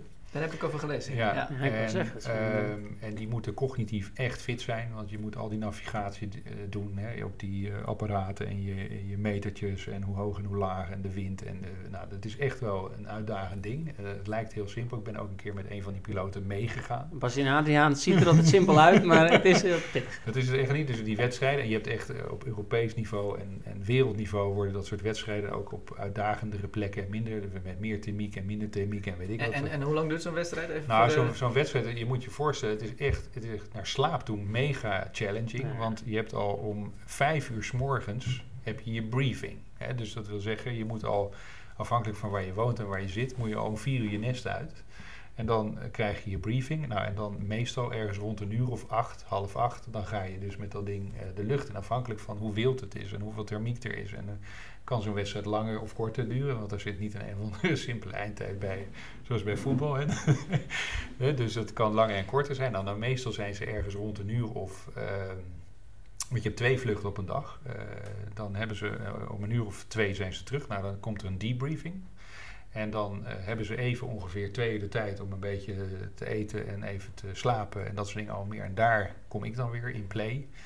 En dan moeten ze om een uur of vijf weer terug. Krijgen ze dan de briefing voor de avondvlucht. En dan meestal, als het hele zaakje erop zit, zijn ze om twaalf uur klaar. Nou, en dan gaan ze een bedje in. En dan moeten ze om vier uur alweer, en dat gaat over drie, vier dagen, moeten ze weer. Dus die slapen op een etmaal misschien vier, vijf uur. En zijn dan nog een keer cognitief Mhm. enorm eh, fit bezig. Nou, als je dat kunt optimaliseren en fitter kunt zijn. En het zijn hele simpele dingen, hè, want die, ja, niks te nadelen van, maar iedereen drinkt graag wel eens een glaasje alcohol of whatever. Nou, als je je prestaties op hoog niveau wil houden, dan moet je die fles gewoon laten staan. Hè. Dus, eh, nou, dan, dus dat lijkt dan een eenvoudige tip, maar dat is dan bijvoorbeeld een van dat soort tips. Maar ook hoe je je powernap, dus in dat tijd van 2 tot 4, zeg maar, voordat ze weer naar de Mhm. briefing voor de avondvlucht moeten gaan. Die twee uur die zijn echt essential. Hè? Dus je kunt dan een, een, een, een power nap doen, je kunt een half cycle nap doen, je kunt een full cycle nap doen. Dus je kunt nog allerlei dingen zeg maar, eraan toevoegen om gewoon dat prestatieniveau. eh, en wat is het mooie van een power nap? Even om kort een stukje wetenschap weer erbij te halen. Maar eh, je motorische geheugen ehm, verbetert met de factor 5 door gewoon 12 à 15 minuten even te nappen. Nou, als Ja. jij in zo'n ding zit hoog, dan weet je hoe belangrijk het is dat je die motorische Ja. kwaliteiten hebt. Dus is het super, super waardevol om bijvoorbeeld eh, te doen en te integreren, zeg maar, in. eh, en dan qua voeding ook. Hè, want eh, wat ze ook vaak hadden, dan kwamen ze laat terug en dan kwamen ze veel te laag hun bloedsuikerspiegel zat niet goed. Dus ook wat ze nu meenemen in die, in die mand, Mhm. Dat het ook in ieder geval ervoor zorgt dat ze gewoon goed eh energized. eh, Precies, niet een fles whisky meenemen. Precies, maar- nee. dat kan. Ja. Maar dat zou niet mijn advies zijn. Nee, nee, nee. Maar, te koppelen met, ja sorry Sven, maar ik, ik heb onder andere ook wat spelers gesproken. En, en eh, de andere topsportbegeleider Jeroen Peetoom, die heb je net ook ontmoet. Hmm. En, en uiteindelijk kreeg ik van één speler ook eh, de vraag, en, die, dat, en dat past heel goed bij dit verhaal. Ja. Die zei, Bart, ehm, zijn er ook eh, tips? eh, die, die jongen slaapt over het algemeen goed, behalve na de wedstrijd. Ja. En dan kan ik ook fysiologisch, snapt hij dat inmiddels ook, met adrenaline. En, en hij eh, vroeg het aan mij. Ik heb ooit dat met jou over gehad, volgens mij heb jij ooit een protocol geschreven voor een wiel, wielrenploeg. Ja, klopt. En, en, en die speler zei van, ja, kan je dat in ieder geval vragen? En, en hij, het is niet hetzelfde als de, de, de eh, luchtvaartpiloten, dat is nog extremer. Maar het heeft daar wel een beetje mee te maken. Dus, dus heb je daar... Nou goed, het is heel erg belangrijk. eh, en een van ook weer mijn mantra's is, hè, the night mirrors the day. Hè. Dus Ja. wat je overdag doet, dat is zeer bepaald van hoe je s'nachts slaapt. En dat begint op het moment dat je je oogjes open doet, totdat je zeg maar je oogjes weer dicht doet. Maar Ja. als je dus, weet hoe laat spelen deze mensen Dit was een wedstrijd van 9 uur een keer. S'avonds. Zijn 9 uur in de Ja, avond, ja. nou dat is natuurlijk in feite funest. Hè, want s'avonds sporten is ook niet zo heel erg handig in die zin. Je kunt het de mensen ook niet verbieden. En als je het fijn vindt om te doen, moet je het gewoon lekker doen. Maar je lichaam heeft ongeveer drie uur, drie uur nodig om gewoon weer back to the basics te komen. Dus al die eh, hormonen die je zeg maar, dus de dopamine en de adrenaline en de non-adrenaline en al die stofjes die zeg maar jou actief maken en fit Mhm. maken, die worden er natuurlijk omhoog gejaagd. En het gaat dus uiteindelijk om dat je eh, ervoor zorgt dat je dat weer zo, zo snel als mogelijk terug. eh, nou, goed. heb je Mont Ventoux gedaan en je rijdt Ja. in de bus naar huis. Precies, ja. Waar, de- dan zit je ook super hoog in je adrenaline. Heb je gewoon moeite om te ontspannen en, en zeg maar eh, weer terug eh, te komen waar je zou willen zijn. Dus dat je van je sympathisch naar je parasympathisch gaat. Belangrijk is gewoon dat je jezelf aanleert een paar goede ademhalingstechnieken. En mogelijk misschien een goede meditatie. Ja. En dan kun je denken bijvoorbeeld aan eh, autogene training is een hele goede daar bijvoorbeeld. Of een total body scan, dat soort dingen allemaal meer. En wat ook belangrijk is, is dat je daar een soort regelmaat van maakt. Dus wat wil dat zeggen? Ons brein is verzot op regelmaat. mhm. En als je het wel en niet doet, dan op een gegeven moment weet je lichaam ook eigenlijk niet precies wat, wat is het nou eigenlijk wat we hier aan het doen zijn. Dus als jij voor jezelf kunt eh, zorgen dat je bijvoorbeeld één keer per dag eh, gewoon zo'n soort oefening doet, ademhaling, Mhm. meditatie, en je doet het elke dag, dan wordt het een soort habit. En dat is in ieder geval heel erg belangrijk. En op het moment dat je dan s'avonds naar zo'n hoog in je adrenaline, dan kun je die techniek gewoon Inzetten, meteen, ja, die meteen uit je rugzak halen, ja. ja, en, en, en dan weet je lichaam, ah, we gaan naar een ontspannen modus. Ja. Hè, dus je gaat eigenlijk hier alweer processen omkeren. Ja. Hè, want je hebt zeg maar twee processen in ons lichaam. En het ene proces is zeg maar het actief zijn, wat we nu hebben. En het andere proces, en daar hebben we het nu over arousal, Mhm. is een dalend proces. En dat dalende proces is helaas minder krachtig dan het stijgende proces. En dat Ja. start vanuit de, eh, vanuit de pons en dat gaat de hersenen in. En waarom is die stijgende lijn, dus waar de dopamine, adrenaline en al die stofjes in zitten, sterker? Omdat we, als we natuurlijk in een soort noodtoestand terecht zouden komen, moeten we kunnen handelen. Dus dat overruled altijd dat Precies. dalende proces. Nou, dat dalende proces Valt niet te slapen als een tijger je Precies, aan zit. more or less. Dat is waar het in feite om gaat. En Kan er wel eens handig zijn inderdaad. ja, Ja. er is bijvoorbeeld een, een, een, een heel belangrijk stofje, dat heet GABA. En GABA is een stofje, dat is een neurotransmitter, en die vertraagt de hersenactiviteit. Maar als jij dus heel erg fors in die Mhm. activiteit hebt gezeten en die opwaartse stroom eh, veel kracht hebt gegeven, om het zo te zeggen, ja, dan, dat GABA dat heeft gewoon no chance. Ja. Hè? Dus, maar als je dan in staat bent om in ieder geval dat proces te versnellen door een goede meditatie of een goede ademhalingsoefening je eigen te maken, of misschien een Ja. een toolkit. Hè? Dus bij Ja. de, de slaapcoach die ik ook opleid, zeg ik altijd: zorg dat je minstens een stuk of vijf, zes van dat soort dingen in je, in je koffer hebt zitten. Want de een vindt dit fijn en de ander vindt dat fijn. Dus het wil helemaal niet zeggen dat de- Nee, voor precies. iedereen dezelfde eh, ademhalingsoefening of dezelfde meditatieoefening prettig is. Dus experimenteer daarmee ook. En het, een experiment lukt ook altijd, zeg ik. Hè? Mhm. Want je Mhm. weet of het wel werkt of niet Ja, werkt. Hè? Dus altijd in winst denken op dat punt. En ga er dan mee experimenteren. En maak er een regelmaat van. En als je dan s'avonds een wedstrijd hebt gespeeld. En je bouwt in feite een beetje de avond af. Ga dan die meditatie doen. En daardoor weet je lichaam. Ah, we gaan nu eigenlijk in die toestand. Ja. Want het lichaam weet toch niet. Hè? Wij denken altijd dat wij ons lichaam eh, eh, slimmer maken. Dat is ook wel zo. Maar er zitten al zoveel slimme systemen in ons lichaam. Ja, dus Dat je alleen niet tegenwerkt. ja, nee, maar Ze zitten elkaar in de weg misschien. eh. ja, maar goed, maar wat ik ermee wil zeggen, ja, sowieso, maar, Ja. maar wat ik ermee wil zeggen is, hoe weet je nou dat je naar het toilet moet? Hè, dat regelt je lichaam. Hoe weet je nou dat je honger hebt? Dat regelt je Mhm. lichaam. Hoe weet je nou dat je dorst hebt? Dat regelt je lichaam. En dus wat wil ik daarmee zeggen is dat als je dus je lichaam dat kunt leren, dat hij op een gegeven moment weet, hè, want hoe weet je, kijk, je kunt nu op je horloge kijken, oh, het is nu half vier of whatever. Ehm, je lichaam weet niet dat het half vier is hoor. Hè, ons brein denkt dat het half vier is, dus dat is een bepaald moment hier op de dag. Maar ons lichaam werkt met hele andere eh, parameters om te weten waar die op de dag zit. En dat noemen ze ook wel de zogenaamde zeitgebers. Dus als jij voor jezelf een soort routine kan eh, installeren en dat dan, zeg maar inderdaad wat Ja. jij zegt, uit die koffer kan trekken en dat dan kan gaan toepassen. En ik ben een enorme fan van ademhalingsoefeningen in dit geval. Die werken meestal het allerbeste en het allersnelst. Maar ook een autogene training of een uh, progressieve spierontspanning van Jacobson of whatever. Er zijn er genoeg te bedenken. Ja, dit is, dit is een, dit, wij, wij, we, hebben het vaak, hè, je mooi wat je zegt, je moet, kan niet zeggen dit moet jij doen, want dat is voor iedereen anders. Eh, wij, wij, proberen het principe aan te leren bij spelers, creëer een afremuur. Mhm. En daar zitten verschillende dingen in, waaronder de ademhalingsoefeningen. Nou, we gaan nogmaals, blij ook dat jij er bent. De termen die je er net in gooit. Een aantal doen we wel, maar een aantal ook nog niet. Maar dat principe aanleren, creëren een afremuur.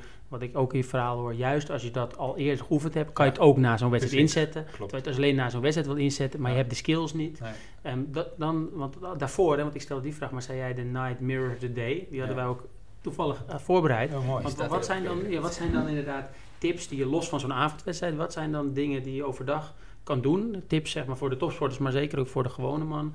Die kan zeggen, ja, dat moet je in ieder geval doen tijdens de, de day. Nou goed, wat, wat ik net al even kort aanhaalde, dat zijn die. Hè? Dus ons lichaam ehm, eh, haalt via signalen, hè, er zijn een aantal heel makkelijke te benoemen hoor, uh, weet hij waar we zitten op de dag. En het mhm. feit dat we een horloge dragen wil niet zeggen dat het lichaam weet waar we zitten. En we merken dat het beste, op het moment dat we even naar oost of naar west vliegen en we een jetlag hebben, dan weet het lichaam helemaal niet waar we zitten. En dan gaan we slapen als we wakker moeten zijn en vice versa. dus dat is even het beste bewijs ervan. Maar uh, wat in ieder geval heel erg belangrijk is, en daar kun je met elkaar ook natuurlijk uh, ook weer uren over uh, vullen in de podcast. Maar een van de belangrijkste tidegabers, dat is licht of donkerte. Dus ja. wat wil zeggen, als je s morgens wakker wordt, in de winter is het nog eens een keer belangrijker dan in de zomer zoek meteen dat daglicht op in de morgen buiten. Dat is het beste licht wat er is met het beste IV. En dat zorgt ervoor dat meteen de switch wordt gemaakt van melatonine naar serotonine. Serotonine is zeg maar het voorbereidend hormoon van melatonine. Serotonine is ook ons gelukshormoon. Dus als je ook in de ochtend lekker kunt gaan sporten en je die hormonen uh, binnenkrijgt, word je al vrolijker, beter, gezelliger. Maar je legt ook al meteen de basis weer voor een goede nacht. Dus ga zeker als het kan.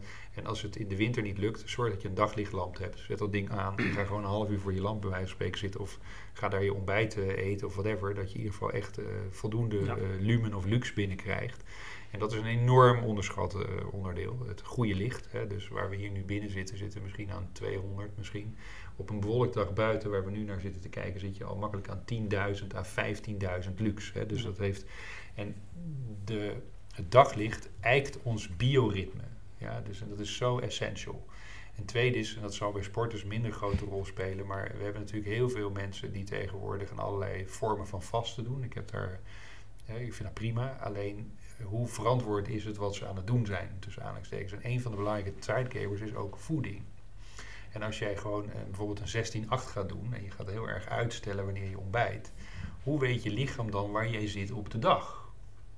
En waarom is het zo belangrijk? Het zet weer bepaalde hormoonproductie in gang. En slaap is een hormonaal spelletje. Het is een neurofysiologisch proces wat zich vooral in de hersenen afspeelt. Maar als je weer later eet, worden dus weer later bepaalde hormonen aangemaakt. En ja ja, hussel je dat eigenlijk gewoon weer door elkaar. Hè? Dus, en daarbij speelt regelmaat ook wel een hele belangrijke rol. Maar als je zo gaat vasten, doe het dan heel verantwoord en goed en met de nodige begeleiding. En denk daar gewoon een beetje over na.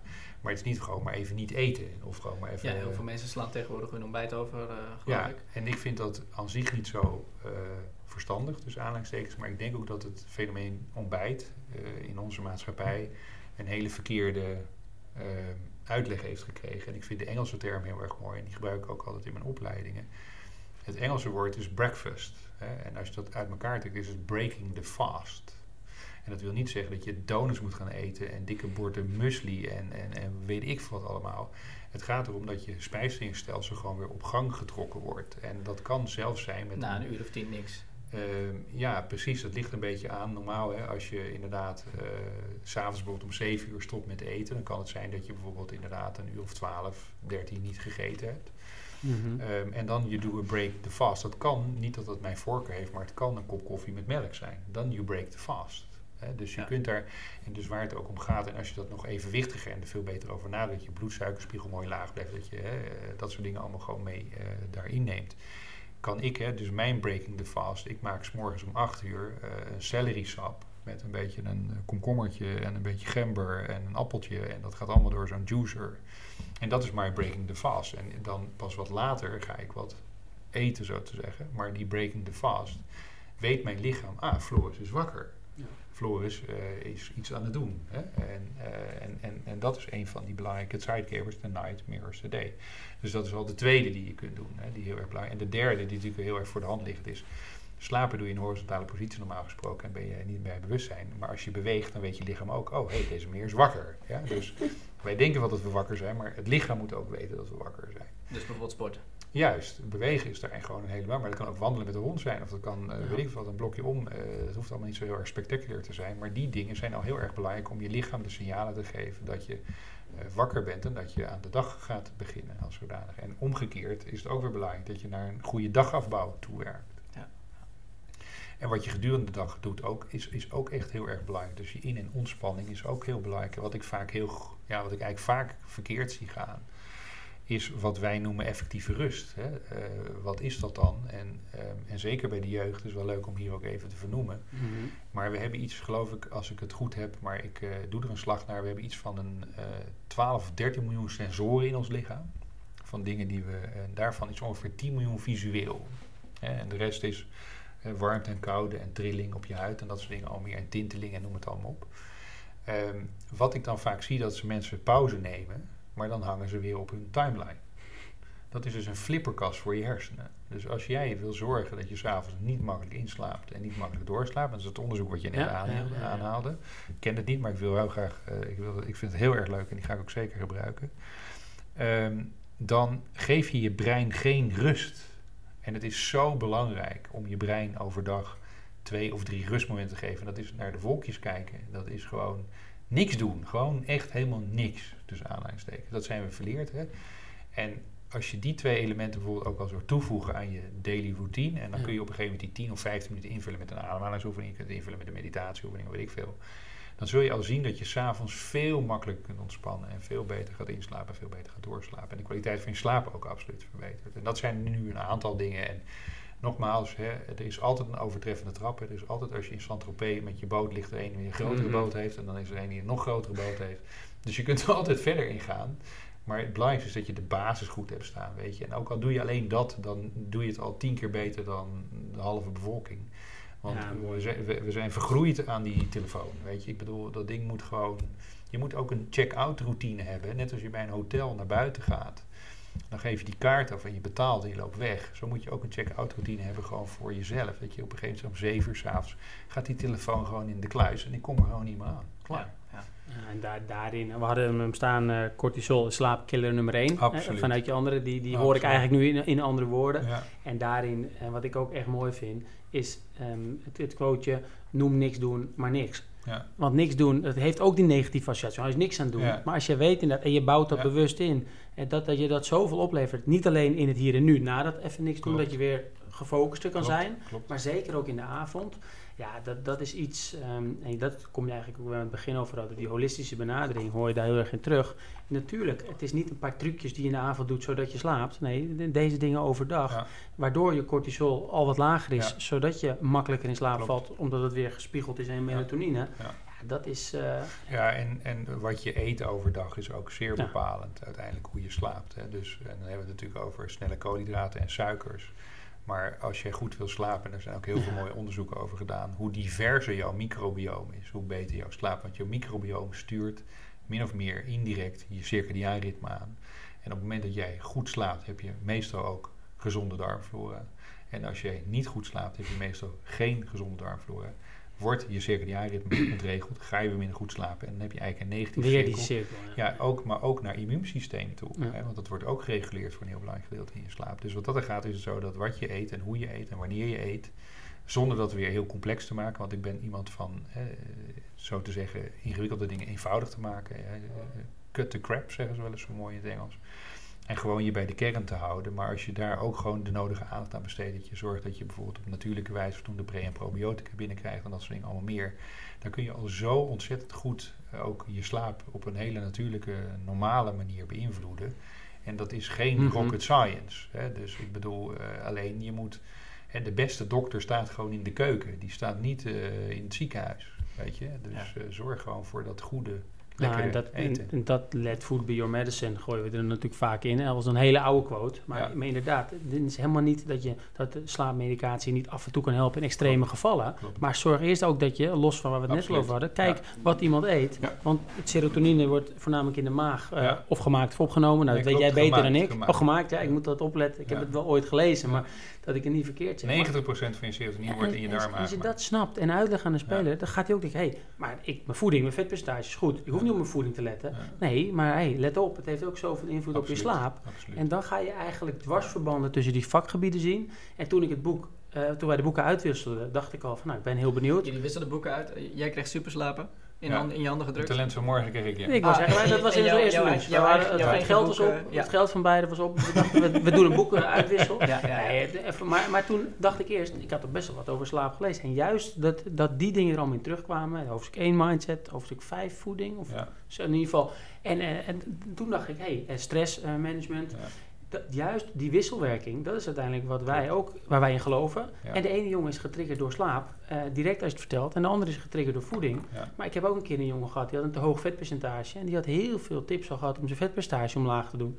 Toen had ik een studie laten zien, Sleep and Obesity. Ja. Ik weet niet of dat de uitspraak is in het Ja, Engels. maar juist. Ook gelukkig, gelukkig. En toen zei ik van, hé, hey, maar let op. Eh, En dat, dat stond in dat artikel helemaal uitgelegd. De, de hormonen eh ghreline en leptine, die Ja. raak je in de war als je verkeerd slaapt. Klopt. Dus naast dat je op je voeding let, Ja. zorg ook dat je beter gaat slapen. Dan help je jezelf Ja. enorm. Ja, en wat daar nog heel belangrijk bij is, als je goed slaapt en je microbiome op orde is, maak je ook betere voedselkeuze. Ja, het is weer de wisselwerking. Het is ongelooflijk, Ja. weet je. Dus op het Ja. moment dat je microbiome niet op orde is, krijg je die snijhonger. Dan Ja. wil je die suikers hebben. En Ja.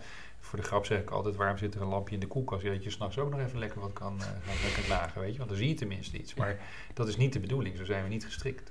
Nee, precies. Ik, ik, denk dat er nu aan het einde van deze podcast ook nog een hele hoop praktische tips eh, eigenlijk in zijn gegooid. Ja. Waar, waar mensen Ja. echt iets mee kunnen. Ja, Ehm, en voor, voor mijn gevoel kunnen we hier nog eh, Absoluut. drie uur. Zeker jullie twee, eh, Ja. Bart, De, Bart en lunch, Floris. eh, de lunches duurden ook altijd wat langer. Ja, jullie hebben al zo vaak geluncht, maar alsnog hebben jullie niet alles besproken, merk ik eh, hier. ja? Ehm, maar ik denk, ik, denk, ik denk heel veel inspiratievolle volle teksten. Mooi. En eh, nou ja, daarmee komt deze derde, derde podcast van uh. AZ University tot een, tot een eind. ja, dank voor de uitnodiging. Heel leuk hier te zijn. Merci Bart, merci Sven. dankjewel voor, jou, eh, voor jouw komst vanuit, eh, vanuit België. Ja. Was toch even een paar uurtjes eh, rijden natuurlijk. Ja, ja en eh, hartelijk dank voor het aanschrijven van jouw verhaal. De tips voor de mensen, ook de boekentips. Eh, en wij zijn er binnenkort met een, met een volgende podcast. En hou voor meer AZ University Events, az.nl en onze social media in de gaten. Een fijne dag nog en last but not least, slaap lekker. Yes.